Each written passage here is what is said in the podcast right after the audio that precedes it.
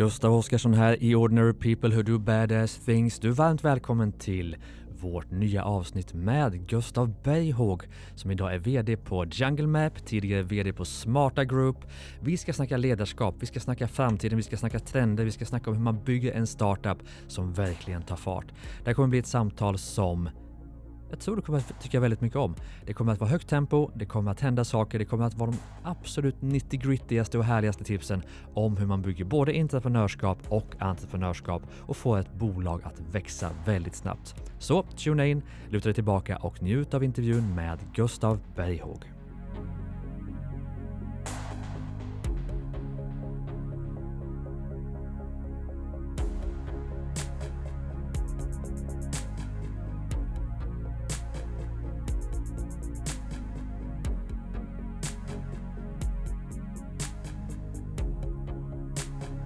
Gustav Berghåg, varmt välkommen till Ordinary People Who Do Badass Things. Stort tack Gustav. Sa jag namnet som man ska? Ja, Gustav Berghåg stämmer bra. Ja, vad skönt. Du, du är en ganska udda fågel här i min podd för att de flesta som har varit här och eh, gästat mig har ju byggt upp bolag själva från scratch. Medan du upplever jag i alla fall med en entreprenör som har hamnat på riktigt coola positioner i väldigt coola bolag. Så det ska vi ju verkligen ta oss an idag. Men för de som inte känner dig sedan gammalt, ska vi, ska vi liksom sammanfatta det du har gjort de senaste 15 åren på något sätt i någon form av liten kronologisk ordning? Det kan vi göra, absolut. Uh, jag måste säga 15 senaste åren, vad jag har gjort? Nej, men jag har varit runt på en mängd uh, olika bolag egentligen uh, och ofta i kommersiella roller tagit mig an olika typer av utmaningar. Det kan vara en vikande kundbas, det kan vara en produktportfölj som inte riktigt har varit så attraktiv för kunderna. Mm. Eh, det kan ha ett varumärke som kanske inte riktigt eh, appellerat till, eh, till kunderna och liksom ja, men hittat nya angreppssätt på de här problemen och, och lyckats vända flera av de här affärerna. Mm. Och började väl egentligen min resa som trainee på Tele2 mm. och skolades in i då Kinnevik-andan och, och Jan Stenbecks eh, DNA på något sätt. Mm. Så, så, mycket av de värderingarna som har styrt mig under min karriär kommer ju just från från de där första åren då man formas ganska mycket. Ska vi uppehålla oss lite där? För det är många, jag vet inte om det fortfarande kallas Luma, det gjorde väl ett tag. Det kanske är på Kinnevik? Eller? Ja, Kinnevik, precis. Ja. Deras traineeroll kallades ju för Luma. Men, men, det var ju ett liknande upplägg även på, ja. på Tele2 och de andra Kinnevikbolagen. Ja. Att det var verkligen uh, att uh, komma in och kastas ut på djupt vatten direkt. Mm. Uh, man blir som assistent till, till vdn i princip? Liksom. Ja, till vd ja. eller affärsområdeschefer och, ja. och sen var man ju också runt då liksom på många delar av organisationen mm. och fick en väldigt uh, ja, men fick en helhetssyn på affären. Allt mm. från liksom de mer kommersiella produktfrågorna till uh, hur ser det ut nere i liksom fabriken där man producerar liksom gigabyten och minuterna och mm. täckningen Mm. Eh, till liksom kundtjänst och de mm. delarna. Så att man fick en väldigt bra överblick. av En enorm utvecklingskurva tänker jag. Ja, ja. och det kan man säga, det är väl någonting som har liksom faktiskt lockade mig just med att ta mig in i liksom Kinnevikbolagen. Mm. Att uh, det är liksom uh, väldigt uh, ja, men, tuffa utmaningar från dag ett. Mm. Spännande. Och vad blev nästa steg efter Kinnevik och Tele2? Eh, ja, men efter, ja. efter Kinnevik och Tele2 så, så trivdes jag extremt bra i telekom mm. och tyckte att, liksom att eh, ja, men det var ju en produkt som alla använder. Mm. Eh, och det fanns ju väldigt mycket liksom, intresse från, från många människor där mm. eh, om att, att kunna använda sina mobiler. Så mm. jag fortsatte inom telekom och tog mig in på, eh, på Halebop mm. som var då en eh, Telias ungdomsoperatör mm. eh, som hade liksom en, en, ja, men en väldigt intressant position där man eh, del av det stora Telia då, men mm. en, en prisutmanare. Uh, och liksom försöka hitta då nya sätt att uh, ta in kunder då mm. utan att på något sätt förstöra för liksom det, det stora moderbolaget genom yeah. att driva för mycket pris då. Utan mm. hitta andra värden att sälja på. Mm. Uh. Och därifrån till? Ja, därifrån var det vidare inom Telia ah. och slutade min telekomkarriär faktiskt i Danmark. Mm och ansvarar för eh, Telias konsumentaffär i, mm. Eh, i, på den danska marknaden. Mm. Eh, med allt ifrån då butiker till onlineförsäljning till produkt mm. och flera olika varumärken. Mm. Uh, en väldigt spännande och kul tid mm. just i Danmark. Brukas ju ofta prata om att den danska telekommarknaden är ju kanske den svåraste att vara på i hela Europa. Mm. Just för att det är en, en, liten marknad med extremt tuff konkurrens. Mm. Så det gäller att vara väldigt innovativ kring hur man då tar fram sina produkter och positionerar sitt varumärke mm. och hur du tar in kunder. Jag tror Danmark och Sverige generellt är väldigt olika i företagskultur och i, kanske även i entreprenörskapet. Så jag upplevt det i alla fall. Ja, nej, men det, det, det, kan jag definitivt hålla med om. Mm. Jag, jag, jag, ser ju det och ibland generaliserar man ju mycket men att om vi har lite mer av en sån konsensuskultur i Sverige så, mm. så är Danmark lite mer raka rör och mm. liksom eh, ja, tydligt. Det är, inte, det är, inte, helt ovanligt att det faktiskt både svärs och skriks i ett danskt eh, ja, mötesrum. Liksom. Ja. Och, och sen kunna släppa det efter. Det liksom. betyder inte ja. så mycket där. Eh, Medan hade det hänt i Sverige så hade det varit mm. liksom rätt dålig stämning. Och, och mm. Men, men där, där, där, sker det blixtsnabbt men det blåser också över lika mm. snabbt. Liksom. Men har vi inte tröttnat på, alltså, jag fattar ju konsensusgrejen i Sverige att det är nice, liksom, alla ska vara med och sådär. Men har inte det gått alldeles för långt? Det gör inte att vi blir, står still på ett sätt som vi inte borde. Jag, jag, jag, kan hålla med dig i, eh, i, i vissa sammanhang. Samtidigt så mm. har jag också sett på nära håll hur starkt det är när du får med dig en organisation. Mm, Om du lyckas sälja in mm. liksom din vision och få alla att förstå varför vi tar oss åt en viss riktning. Mm. Kraften bakom det eh, mm. kan vara oerhört stark kontra då om jag jämför med kanske hur det kan vara ibland i de danska mötesrummen där en, en, en den högsta chefen då beslutar mm. och det övriga teamet inte tror på idén. Uh, då blir det lite mer uh, halvhjärtat. Liksom. Mm. Så att jag tycker att det, är liksom, det handlar om att hitta den här balansen mellan liksom, uh, konsensus kontra att inte tappa fart. Mm. Uh. Fattar. Okej, okay, Telia, var det smarta sen? Sen var det då, mm. kom in och blev vd för Smarta Group. Mm. Uh, och de som inte vet vad Smarta är, hur sammanfattar vi? Man kan säga att det är en uh, koncern i Sverige, Norge och uh, Finland mm. som då driver jämförelsetjänster av ja, mm. privatekonomi. Du har ju Insplanet, Elskling, Elskling och så Smarta då. Så det är alltifrån elavtal, försäkringar till mm. Konsumtionslån, företagslån och bolån. Mm. Det där är spännande. Hur stort var det när du kom in? Vi var ungefär 350 eh, anställda och omsatte någonstans runt 600-700 miljoner. Just det.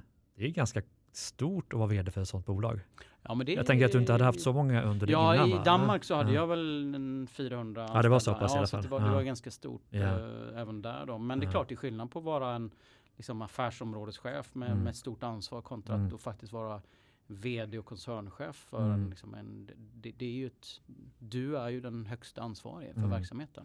Är Smarta eller var Smarta då eh, alltså, eh, ett entreprenörsföretag eller var det verkligen riskkapital kapitalägt? Jag tror att det, det, det var väl liksom i en, i en förändringsfas från mm. att ha varit ganska liksom entreprenörsdrivet mm. tidigare så hade man ju då under de senaste åren fått en ny ägare mm. eh, som var en mer global tysk mediekoncern. Och då, mm. då, klart, då, då händer det lite grann i företagskultur och mm. annat. Att, var det därför du kom in på något sätt?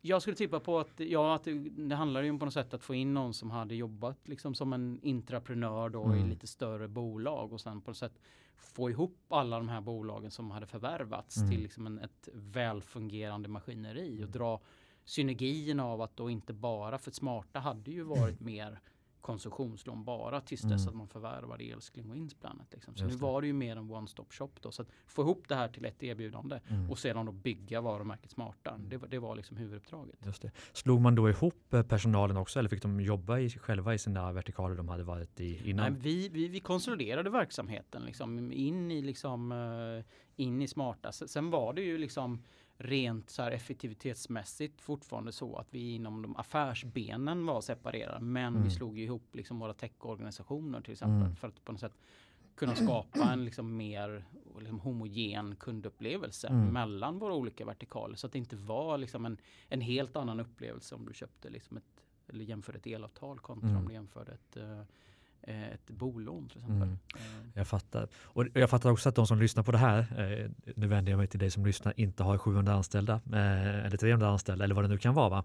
Men det är ändå intressant att se det här när man, för det händer ju även i mindre bolag, när man slår ihop enheter, man slår ihop folk som inte har jobbat ihop innan, man slår ihop olika koncept. Och jag gissar att ledarskap är en av dina intressen och även kompetenser. Hur, hur ser du, vad är nycklarna för att få ihop eh, olika kulturer, olika team? Ja, men jag skulle säga, det är ju liksom kanske oftast där man går fel mm. när man just uh, förvärvar bolag. Att man inte liksom tar tillräckligt mycket höjd för, för just den problematiken. Mm. Eh, oftast i den här typen av fall så är det ju liksom eh, kanske så att folk lämnar efter ett tag för att man inte känner sig riktigt liksom som en del av, av mm. det nya. Då. Så för mig var det en viktig del och det var någonting vi gjorde. Det var ju liksom att på något sätt att skapa den här gemensamma värdegrunden för mm. De hopslagna bolaget. Mm. Så det var inte så att vi liksom tog smartas värderingar och liksom på något sätt tvingade på älskling och insplanat mm. utan vi skapade något nytt istället. Mm. Där vi tog det bästa från de olika bolagen. Mm. Var det ni som ledning som tog det bästa från de olika bolagen och sa det här är vår nya värdegrund? Eller var det de anställda som kom fram till den tillsammans? Nej men jag tror att det, det där är väl också lite det som vi pratade om tidigare. Att jag tror ska du göra en sån kanske då väldigt demokratisk process så mm. är risken att du tappar rätt mycket momentum och tid. För det är yeah. ju väldigt mycket åsikter kring de här typen av mm. frågor. Vad vi gjorde var ju mer att vi jobbade med liksom olika team eh, och olika personer som representerar de här nya bolagen då. Mm. Eh, och tillsammans med dem eh, skapade det här nya då. Mm. Eh. Fattar. Men varför stannar du inte kvar där? Sen händer det grejer. Ja. Eh, och jag är en sån eh, person som, som, som, när det händer nya saker, ibland mm. kommer de lite oväntat. Mm. Så, så, så, brukar jag oftast då ja, men ta mig en funderare och sen om jag tycker att ja, men det här låter väldigt, väldigt spännande. Mm. Nu kör vi. Uh, och det var det som hände under då uh, förra våren mm. där jag blev uh, kontaktad angående ett jobb som vd för ett uh, scale-up-bolag mm. som heter Jungle Map mm. som jobbar, det är ett SAS-bolag som jobbar med eh, att utbilda företag och organisationer inom det som kanske låter väldigt tråkigt. Eh, mm. GDPR, privacy, eh, cybersecurity, code of conduct. Men som är superviktigt. och jag, jag, jag, jag, säger lite snark också. Eh, men, men, men det är ju helt centralt för, mm. för bolagen att, eh, att få det här att funka. Mm. Och vad YoungMap gör är då att vi tillhandlar den här plattformen och att vi har en helt unik metod mm. som vi har kommit på. En metod som kallas för nanolearning. Mm. Som innebär att de här då traditionella e-lärandet som oftast är en event, det vill säga att du eh, loggar in i en utbildningsportal. Mm. Oftast mm. då så kanske du till och med har lite problem med att hitta ditt lösenord och, och, yeah. och de delarna. Men när du väl loggat in så, så gör du den här en timmes utbildningen som egentligen bara handlar om att få den här check in the box och vara compliant. Mm. Och sen två veckor senare efter att du genomfört den här utbildningen så kommer du inte ihåg så mycket. Mm. För glömskekurvan finns där. Yeah. Du kanske kommer ihåg 10 Mm. Vi jobbar med vår metodik som heter nanolearning som innebär egentligen att var tredje vecka så får man en liten, liten utbildning eh, på två, tre minuter som mm. genomförs i mobilen. Mm. Och det här har ju visat sig vara extremt mycket mer effektivt. Uh, för vi jobbar med då alltså repetition, uh, förstärkning mm. och uh, också verkligen och reflektion som är det viktiga. Och det, mm. det är ju så lärandet fungerar. Mm. Och vad vi ser det är ju att vi får en väldigt fin effekt att, att lära ut på det här sättet. Då. Mm. Och det är fler och fler organisationer som inser det, att det här gamla e-lärandet inte riktigt fungerar. Mm. Man får inte den organisatoriska effekten som man vill åt. Och då vänder man sig till en spelare som, som Jungle Map och, mm. Eh, och köper en lösning av oss istället. Kul! Men vad fick dig då att jag tänker att du är en entreprenör, men kanske en entreprenör, vi kan komma, tillbaka till det. Men vad är det som får dig att, att hoppa på en sån grej? Är, vad går du personligen igång på? Är det, är det lön, är det optionsprogram, är det att nu ska vi bygga något stort, nu ska vi förändra världen? Vad är drivkraften hos dig? Ja, men för mig var mm. det väl alltid varit drivkraften att, att liksom på något sätt att, att, driva den här förändringen. Att på något sätt att det är kanske någonting som inte riktigt har lyckats tidigare. Mm. Alltså, I Young Metall var det väl liksom att på något sätt det fanns en och finns en oerhörd potential i bolaget. Mm. Men att man liksom kanske inte riktigt fullt ut hade lyckats med det. Mm. Och då när ägarna pratar om den här visionen om att vi ska ta det här bolaget globalt. Vi ska ta det här bolaget från cirka 80 miljoner omsättning. Mm. Eh, till flera hundra miljoner mm. på en väldigt kort tid. Mm. Då tyckte jag det där är oerhört, oerhört spännande. Mm. Att få vara liksom med och leda den liksom, transformationen och eh, att mm. lyckas med det målet. Det var det jag kände. Och så trodde jag extremt mycket på bolaget. Jag tror mm. extremt mycket på bolaget. Jag har ju själv suttit och gjort de här utbildningarna mm. i mina tidigare jobb.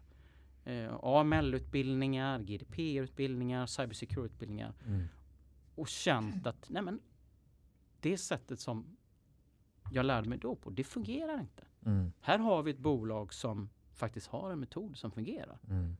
Att få vara med och liksom på något sätt ta det här vidare tyckte Mm. jag kändes oerhört. Sen klart att det är liksom att eh, det även finns finansiella delar och den typen av incitament. Jag tror Mm. ju väldigt mycket på att man på något sätt har ett alignment mellan ägarnas incitament Mm. och liksom de personer som jobbar på bolaget ska Mm. göra den här resan. Och att du Eh, känner på att det går bra på olika Ja. sätt såklart. Va? Så, att, så att jag tror att det är en nyckel liksom. Och det, Mm. det, det, det tycker jag mig se också att när det går bra Mm. framgångsrika bolag så finns det väldigt tydliga incitament för både för ledning och medarbetare och ägarna att de, Mm. de, de är alignade helt enkelt. Just det.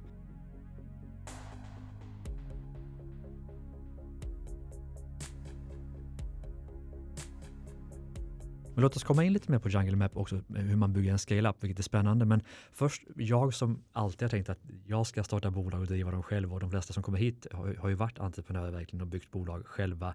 Du kommer in mer som en entreprenör. Varför vill du inte bara starta eget istället? Men jag tror att kanske att det handlar lite någon, någonstans om att, liksom att, eh, att man, man, man känner liksom var man trivs bäst. Jag trivs Mm. nog bäst i en liksom organisation där det ändå finns liksom en, en, en, en, ett fundamenta. Liksom. Att Mm. det finns en, en, liksom en produkt som, eh, som någon har kommit på. Att det, Mm. finns liksom, att det finns några av de här pusselbitarna på plats. Eh, jag tror att det är liksom en, mer så som jag gillar. Att börja liksom på något sätt utan någonting. Mm. Nej, det, det, det, det kanske inte är riktigt med. Sen är det ju alltid också en finansiell risk, liksom, Mm. eller hur? Att, att, liksom, att köra de här första tre, fyra, fem åren kanske utan att kunna liksom plocka ut lön och liksom sånt där. Då Mm. tror jag ju mer på att det kanske, om, om du går direkt från universitetet säger vi Mm. till att ta ett startup i jobb liksom utan Mm. lön och ersättning. Jag, menar, jag tror det är enklare att göra den liksom resan då. Mm. För då har du liksom inte vant dig vid att kanske liksom, eh, ja, ha en viss nivå på, på din livsstil eller liknande. Mm. Så att, jag, jag tror det är en kombination av grejer, liksom, hur, man, hur man är som person och vad man trivs bäst med. Mm. Men också klart att det finns finansiella delar som är, Mm. som är mer risk då så att säga. Mm. Att göra en sån sak. Och det är jävligt spännande. Dels, det är väldigt få av oss som är duktiga på att både starta och sen vara chef i ett, i ett senare skede. Det ska man komma ihåg. Vissa är ju mer startup-entreprenörer och vissa är mer duktiga som chefer Mm. eller managers när liksom man har kommit en, en längre bit. Och ibland så delar man ju upp entreprenörskapstyperna i tre olika. Du har ju entreprenören som är duktig, som jag sa, just på att starta igång och få det att hända, se möjligheter överallt och liksom kan vara ja, väldigt driven på att få på att dra igång saker. Och sen har du vad som kallas för artisten, det vill säga den som är älskar en viss sak, att bygga en, ja, ett kretskort eller vad det nu kan vara. Man är verkligen nördig på att, på att vara i detaljerna på att eh, skapa någonting. Och sen har du managern som är väldigt duktig på, på det operativa, att eh, leda människor och så vidare. Och det är tre helt olika typer av, av personer och alla behövs ju. Mm. Och det är det jag tycker att man ibland glömmer bort att många entreprenörer tänker att jag ska leda bolaget för att jag är den som har startat det. Och det tror jag är helt fel. Och det är väl spännande då att man tar in en person som dig som jag upplever som mer en, en kanske en manager som är duktig på att komma in och vara chef. Stämmer Ja, det? nej, men Ja. jag tror att det, eh, det, det är Ja, men du, du har helt rätt i det. Jag menar Mm. olika personer passar i olika faser av ett bolag. Mm. Eh, och jag menar klart, ska du ta det här bolaget till, en, till nästa nivå, då är det ju Mm. bra om du har någon som har en erfarenhet av det. Mm. Eh, och är en bra person på att eh, motivera, engagera och liksom driva utvecklingen framåt. Och kanske följa upp och Följa upp och sånt liksom, som jag aldrig tycker är kul. mycket, mycket vad vi jobbar med nu Ja. på Youngmap det är ju liksom att givetvis att, liksom att eh, rekrytera, vi dubblar personalstyrkan i år, eh, Mm. vi etablerar kontor utomlands och sådär. Men, Mm. men det handlar mycket om att skapa ett strukturkapital. Mm. För vi behöver gå från att liksom vara väldigt så beroende av ett antal personer till Mm. att liksom skapa den här redundansen kring liksom att om någon Vad menar du med sjuk, redundans? Ja men om man säger att en nyckelperson som har stått för en väldigt stor andel av försäljningen tidigare och som Mm. slutar, det kan ju vara helt förödande för bolaget. Mm. Men att, liksom att, att minska det här personberoendet Mm. är eh, som jag ser det helt centralt. Att, att Mm. skapa mer av ett, liksom, ett självspelande piano som Mm. fungerar. Och jag menar, precis som om jag liksom skulle försvinna iväg någon gång liksom, så vill jag ju att bolaget ska fungera och liksom Mm. fortsätta växa. Liksom. Eh, Just det. Låt oss uppehålla oss lite kring då, för, för Jungle Map var väl en startup, nu är du med en scale-up. Och då handlar det ju med, i början av ett bolagsbyggande så bygger man ju mycket på motivation. Nu, sen, nu jävlar, nu kör vi, nu bygger vi någonting och det är inspiration. Men när man då bygger en scale-up så handlar det väl, tänker jag och anser jag i alla fall, mycket om att bygga struktur. Eh, och gå bort från personberoende. Kan du på något sätt hj- hjälpa oss att förstå nycklarna i att, eh, i att skala upp ett bolag? Jag menar, mycket handlar ju liksom om på något sätt att, eh, att skapa den här på något sätt repeterbarheten skulle jag kalla det för. Mm. Repeterbarheten i att liksom när du väldigt snabbt ska ta in så här, ny personal så behöver du ha en metodik och en onboarding av dem som är väldigt, väldigt effektiv. För som vi då ska dubbla vår personalstyrka i år. Eh, tidigare i den gamla Jungle Map-världen Mm. så fanns det en person, ofta så kanske en grundare, som var den som på något sätt onboardade den här personen. Mm. Men dygnet tar bara 24 timmar och Mm. den här personen behöver göra massa andra saker. Så vi måste ju hitta strukturkapital som gör att vi snabbt kan få ombord ny personal och som lär sig jobbet Mm. utan att man ska ha lite tur och få tid med den här nyckelpersonen eller grundaren. Mm. Så mycket av det vi jobbar med här under, under de här sista sex månaderna det är ju liksom att skapa det här liksom, hur följer vi upp?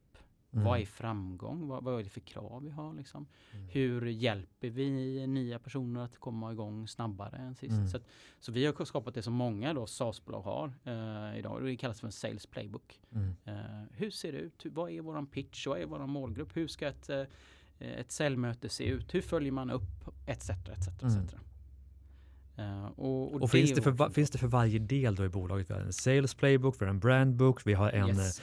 eh, eh, kundservice playbook. Ja. Exakt, så att vi Mm. har en eh, Gör man det själv eller tar man in folk som gör det åt en? Det beror lite grann på hur mycket tid man har. Eh, som sagt, och oftast när du är en litet bolag som växer snabbt, då har du Mm. kanske inte riktigt den tiden. Då Mm. handlar det ju mer om att på något sätt kanske då ta in lite hjälp under en kortare tid eh, och sen tillsammans då med liksom personer som givetvis då ansvarar för de här områdena liksom på något sätt bygga de här liksom, eh, Mm. ja, olika playbooksen då. Att, eh, Finns det mallar för det eller kommer man på det själv? det finns oftast liksom en, en struktur som Ja. man liksom kan använda sig av och jag menar Var, var hittar man det för den som inte Ja, det, det, vet om? du kan eh, garanterat hitta det om du söker på, på webben och söker på Sales Playbook eller Ja. Customer Success Playbook eller liknande.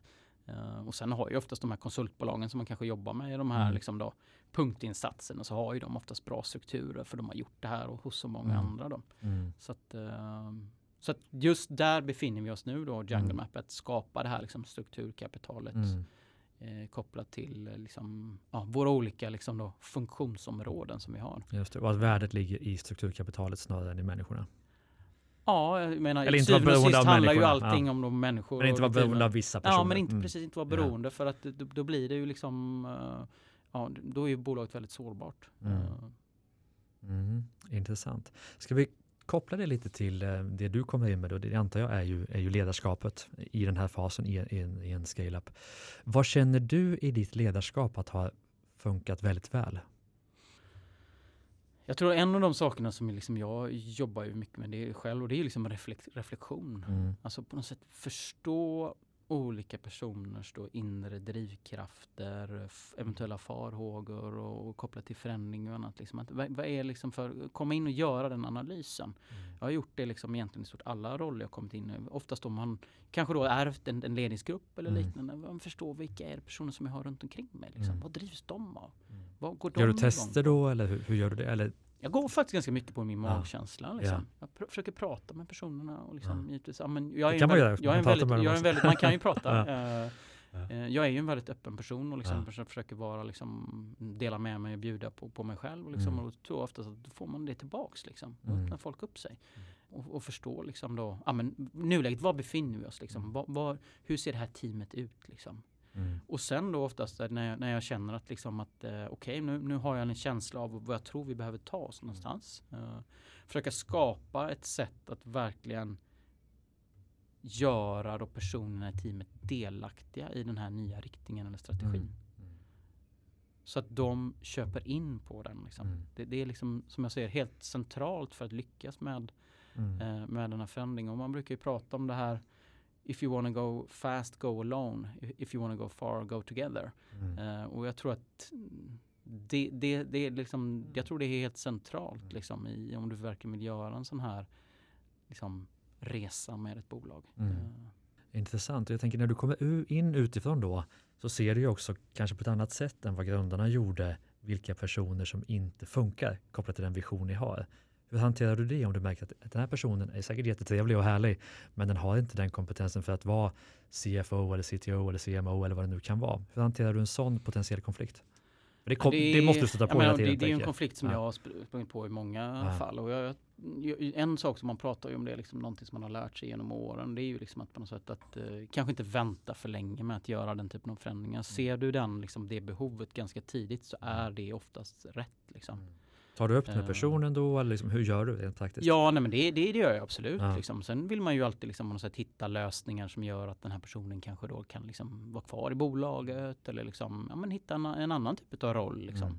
Jag tycker det är liksom eh, vi ska vara ett eh, bolag, en av våra värderingar på Youngmap är just caring. Liksom. Vi, vill, mm. liksom, vi, vi tar hand om våra medarbetare och liksom vi, vi tror ju liksom på, på att, att alla har någonting att bidra med. Mm. Uh, men det kan ju också vara så att när du har liksom haft en roll under en längre period i en annan fas av bolaget. Mm. Precis som att jag kommer in som en som ny vd i, i det här bolaget efter en viss tid. Liksom, så kan det också andra personer då som ja, men, där man kanske på något sätt att kostymen inte passar längre mm. liksom, i den typen av roll med det vi ska göra. Mm.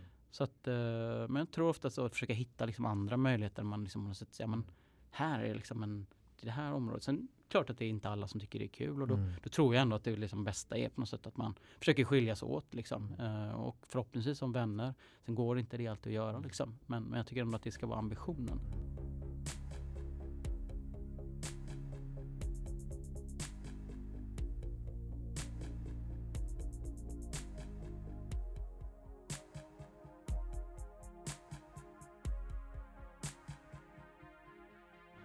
Och jag upplever att fler och fler, det kommer också verktyg för det, där man i exempelvis en ledningsgrupp då kan titta på vilka kompetenser har vi och vilka kommer också hålla över tid mot den visionen vi ska.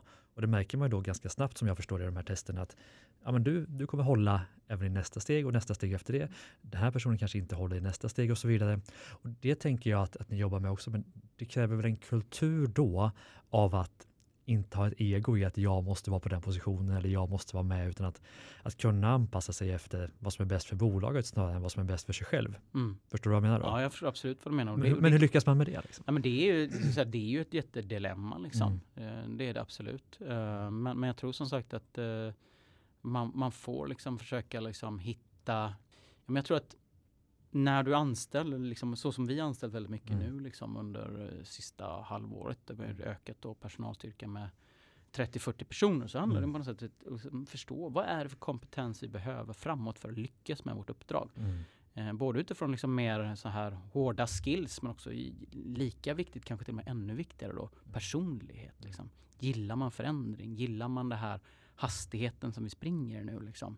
Mm. Så att, men jag tror också att då så blandar man lite det gamla med det nya så brukar det mm. oftast vara så att på något sätt de nya liksom påverkar liksom gamla på ett mm. positivt sätt. Mm. Man kommer in och visar liksom, åh, att ja, men, en öppenhet för förändring, liksom den typen av personligheter. Så man måste mm. blanda upp. Liksom. Jag menar, de gamla vill prestera då för att visa de nya? Ja, men jag tror det. Och jag menar oftast är det så att de som har varit med kanske som starten, de är mm. jättekompetenta och duktiga mm. liksom då.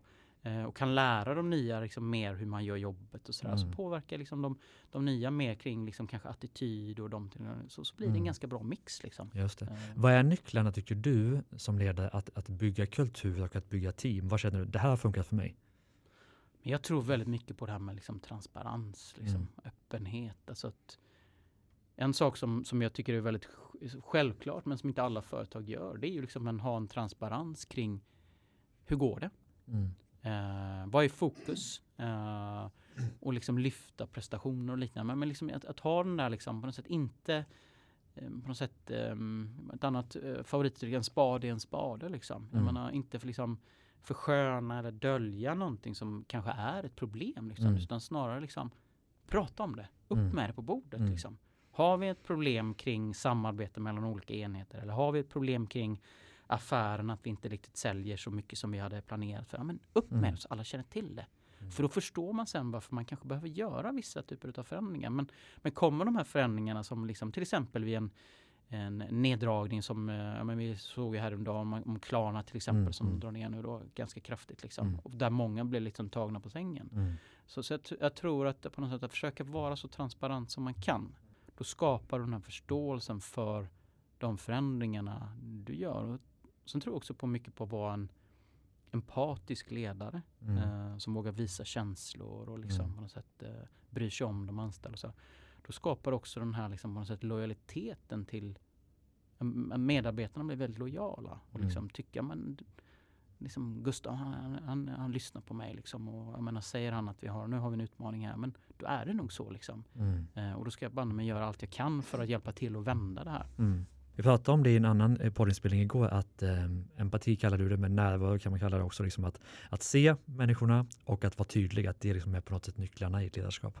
Håller du med om det? Ja, nej, men jag, mm. håller eh, absolut med om det. Liksom. Uh, jag menar, vara en synlig i organisationen, det är mm. jätteviktigt. Uh, och, men samtidigt också som sagt att vara tydlig. Liksom. Vad har jag för mm. förväntningar på, på din roll? Liksom? Uh, och där, där tror jag att liksom, jag tror ju att det går att kombinera dem väldigt bra. Och jag tror att till syvende och sist så är det ju också på något sätt eh, ska man säga, empatiskt att vara tydlig med liksom, mm. ja, men vad, vad, har jag förväntningar kring din leverans mm. och din roll liksom. Mm. Och även när man tar in folk tänker jag att vara extremt tydlig med att rollen kommer vara det här, på det här företaget så har vi inget pingisbord, att man är liksom verkligen säger det här är vad det är. I, ofta försöker vi översälja för att få in de vi vill ha, men att förväntningarna är rätt ställda, nästan att man har att man säljer in, att man säljer, vad ska man säga, undersäljer in hur ja. det är att jobba här. Och när de väl kommer dit så, så överträffar man ja. deras förväntningar. För jag tror att, I alla fall jag har haft en tendens för att få in det folk i mina bolag att, att översälja. Mm. Och så har det inte varit så bra som de har tänkt. Nej, och det tenderar ju då de nyanställda mm. bli väldigt besvikna och mm. oftast då liksom, antingen att har man en period där man måste på något sätt förlika sig med oj, det var inte riktigt som jag blev insåld det här jobbet. Yeah. Eller att då faktiskt personen i värsta fall lämnar bolaget. Mm. Det, mm. det, har jag också sett och jag känner igen mig i det du säger mm. att man liksom på något sätt ibland lite grann förskönar hur mm. det är att jobba på ett mm. visst bolag eller hur, hur stor och viktig en roll är. Liksom. Mm. Så jag tror lite mer på det här att kanske då under promise and over deliver mm. är ett, liksom en bättre väg. Ja, ja. Jag har ju ett, ett fashionbolag jag är inne i och det, vill ju all, det är coolt att jobba med fashion och många unga tjejer som tycker fan vad kul att jobba med bla bla bla. Jag kan inte säga exakt vad det är men, men jobbet även där, det handlar ju om att, vet jag, bygga en supply chain. Alltså det är inte så himla coolt dagligdags. Nej, nej. och det är så det är, var tydlig med det liksom. Det är samma som Carlsberg är väl ett klassiskt exempel med att oh, probably the best beer in the world, det måste vara sjukt kul att jobba där. Varför du ska stå och sätta på kapsyler på, inte vet jag vad du gör men mm. förväntningarna. Ja, nej absolut. Ja.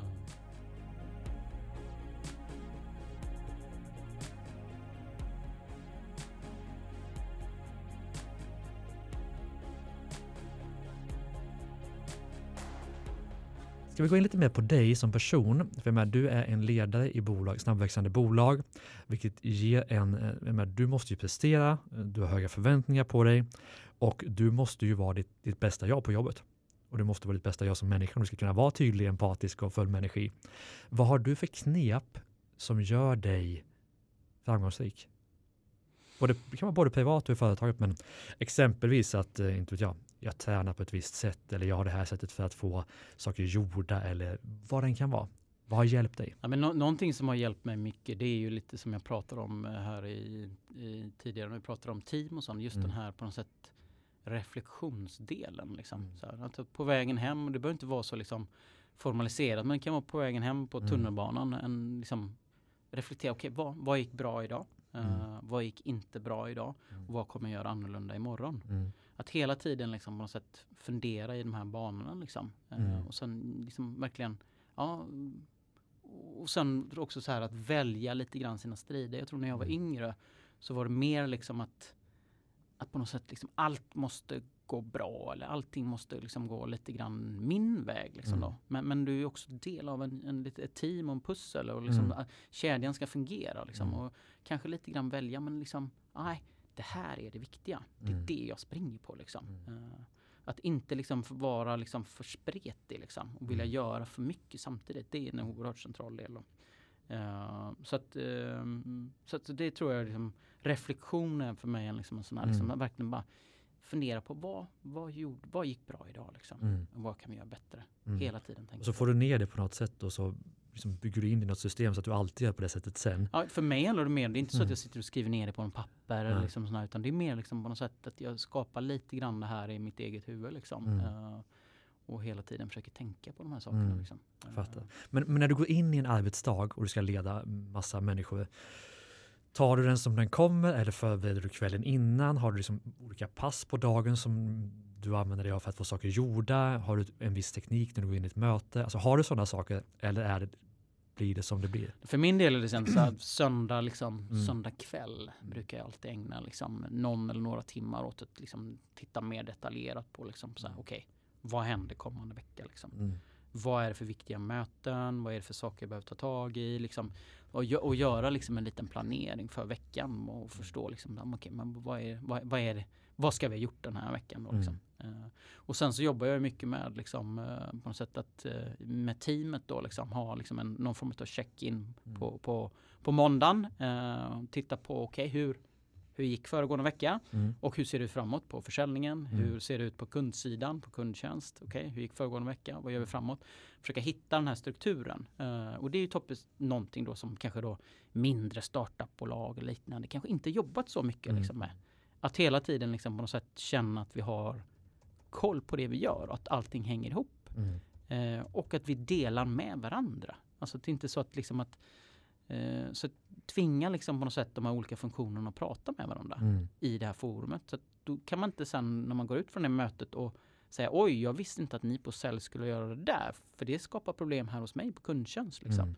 Då är alla med på det här. Mm. Man har möjlighet att på något sätt lyfta handen och säga nej, då, det där såg inte bra ut. Eller oj, grymt liksom. Mm. Så att skapa den här strukturen. Mm. Eh, men samtidigt inte för mycket. För du, då tappar du lite av den här innovationsförmågan och liksom snabbheten i bolag. Utan balansen däremellan är jätteviktig.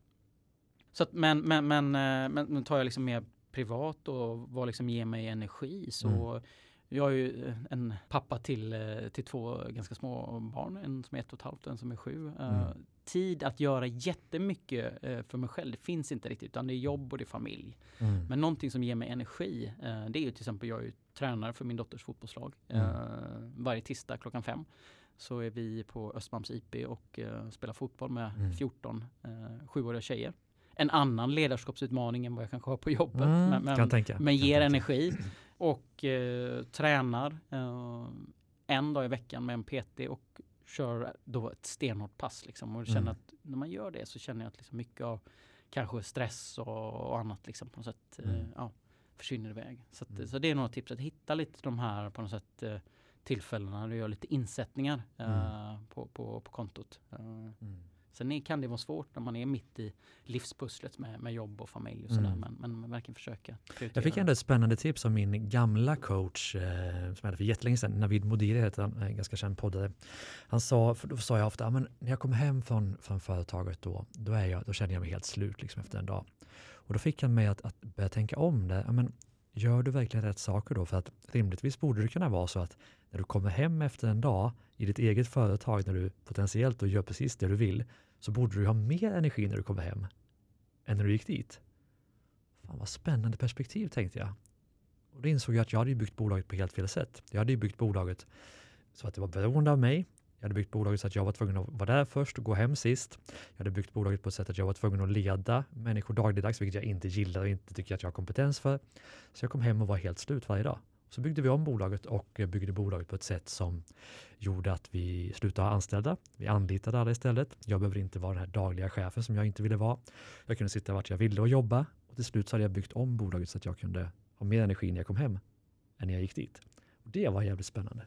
Och det, och det håller jag med om och det är egentligen den resan liksom också Mm. som man gör när man går från ett kanske liksom då startup till mer ett scale-up. Liksom, Mm. Att du, du minskar det här liksom personberoendet och att det Mm. blir liksom mer ett liksom självspelande piano där liksom alla vet vilken del i kedjan man jobbar med. Mm. Eh, och jag menar, försvinner jag bort en dag eller en vecka eller två Mm. veckor, ja men då ska det fungera ändå. Mm. Och likadant med de personerna som har ledande roller i, i, i vår organisation. Mm. Det, det, ska fungera ändå. Mm. Eh, och jag tror det är precis det du är inne på Mm. egentligen då. Att hitta liksom sätt där det är inte så att allting landar på dina axlar som Mm. vd eller liksom som, som, som ledare på bolaget. Ja. Och det tror jag också skapar mycket mer engagemang hos medarbetarna också. Mm. Att inom givna, och det är någonting jag praktiserar väldigt mycket, liksom att jag är inte inne och detaljstyr exakt Mm. hur man ska göra jobbet. Mm. Jag sätter ramarna. Mm. Inom marknaden till exempel, ja, men då är det två saker jag tittar på. Det är trafik till vår hemsida och det är antal leads vi får in. Mm. Sen hur du löses inom marknadsteamet, det bryr inte jag mig om. Mm. Utan jag har förtroende och litar på Mm. att de klarar av att göra det. Så länge ni når målen. Så länge vi når Mm. mål. Och klart Ja. att om vi inte gör det, ja men då vill jag in och fråga lite mer och ställa Mm. de rätta frågorna. Och vad gör vi liksom? Och vad, Vilka vad, frågor ställer du då? Alltså vad kan det vara exempelvis? Nej men då, då, då kan Vad det fan vara, når vi inte målen för? Eh, Det kan hända, hända att, att jag svär också. Men, Ja. men, men, men liksom så här, men, ja, men det, det är någonting jag följer upp väldigt mycket egentligen. Liksom. Mm. Man vara, okej, hur gick det föregående vecka? Vad, vad tror vi om kommande veckorna? Och vad är de tre viktigaste actions vi gör som kommer göra skillnad? Mm. Jag är, nånt, jag är helt allergisk mot de här som har sett i många storbolag, liksom, när någonting inte är riktigt gått som det ska. Mm. Och så kommer man den så kallade mitigation-listan, alltså liksom, s- listan på aktiviteter man gör för att förbättra läget. Mm. Och så är det 15 olika punkter på den. Mm. Och så är det oftast en uppskattad effekt eh, Mm. och så är det en deadline. Mm. Sen vet jag av erfarenhet att oftast så klarar man inte av att göra mer än tre av de här. Mm. Men tre per vecka har du liksom? Ja, liksom, det kan ju Ja. vara liksom saker som ligger liksom Ja. mer långsiktigt också. Men, liksom, Men ändå tre vad saker är som är så tydligt att det här kan vi klara den här veckan. Det ska inte vara okej, vi ska bygga ett nytt CRM-system, vilket man vet kommer ta tre månader, Ja. utan det här kan Nej. vi göra nu för att det ska vara bättre till nästa Ja. vecka. Ja. Mm. Hands-on. Liksom. hands-on, tydligt. Jag gillar, för vi gör likadant i ett av mina bolag, men vi gör det månadsvis. Jag tror det kan vara bättre per vecka, för då måste du göra det nu, annars kan du skjuta det till tredje veckan i maj. Ja, men det, det blir lite mer så här, det blir lite Ja. mer eh, som fingret på pulsen känsla. Liksom, Ja. att, att vara liksom lite mer här och nu. Liksom, och, och, liksom, och följa upp. Liksom. Jag tror det är viktigt också att man på något sätt, ut, tillbaka till det här med tydligheten för Mm. medarbetarna. Liksom att, ja, men, okej, vad gör ni? Eh, och när levererar ni? Vad är deadline? Liksom, man hela tiden jobbar med deadlines. Mm. Så inte blir det här vaga liksom. För det kan också bli så missuppfattningar i kommunikationen. Att okej, jag trodde att liksom det ni gjorde skulle vara klart då liksom. Mm. Och de uppfattar det som att liksom, oh, men det ska ju vara klart om en månad liksom. Mm. Och så går man runt och stör sig lite på det här liksom. Och sådär. Så det Ja, är mycket bättre liksom. Ja, det här gör vi, då ska det vara klart. Och så Mm. följer man upp det. Just det. En annan fråga jag kom på här i stundens stridens hetta, det är inte så mycket strid men det är spännande. Det är ju just du som har kommit in som extern vd då i ett entreprenörsbolag, antar jag att det är. Mm. Eh, vad är det för tips du liksom skulle vilja ge till andra entreprenörer som kommit så långt att de vill ta in en extern vd för att det ska funka? För det är många externa vd som kommer in och som inte stannar kvar för att det blir konflikter med entreprenörerna och hit och dit. Va? Så vad är tipset till andra entreprenörer som vill ta in en extern vd?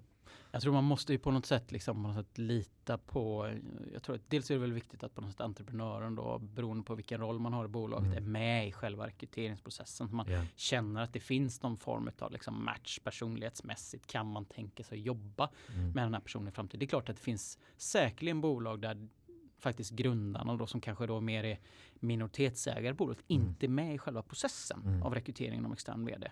Och helt plötsligt bara kommer in en, en, en, vd som hon aldrig träffat och då blir det de här clashes. Men jag tror att försöka att få med liksom på något sätt nyckelpersoner, grundare i den här processen så man känner att det finns någon form av connection där. Mm. Sen handlar det ju på något sätt att vara tillräckligt liksom, eh, öppen för förändring. Liksom. För Mm. oftast har, har ju den här, då, liksom, den här externa vdn en kompetens som bolaget saknar. Mm. Eller hur? Annars skulle man inte ta in den personen. Så att, Mm. att liksom våga släppa taget lite av de här nyckelfrågorna och liksom Mm. bara följa med lite mer. Mm. Liksom.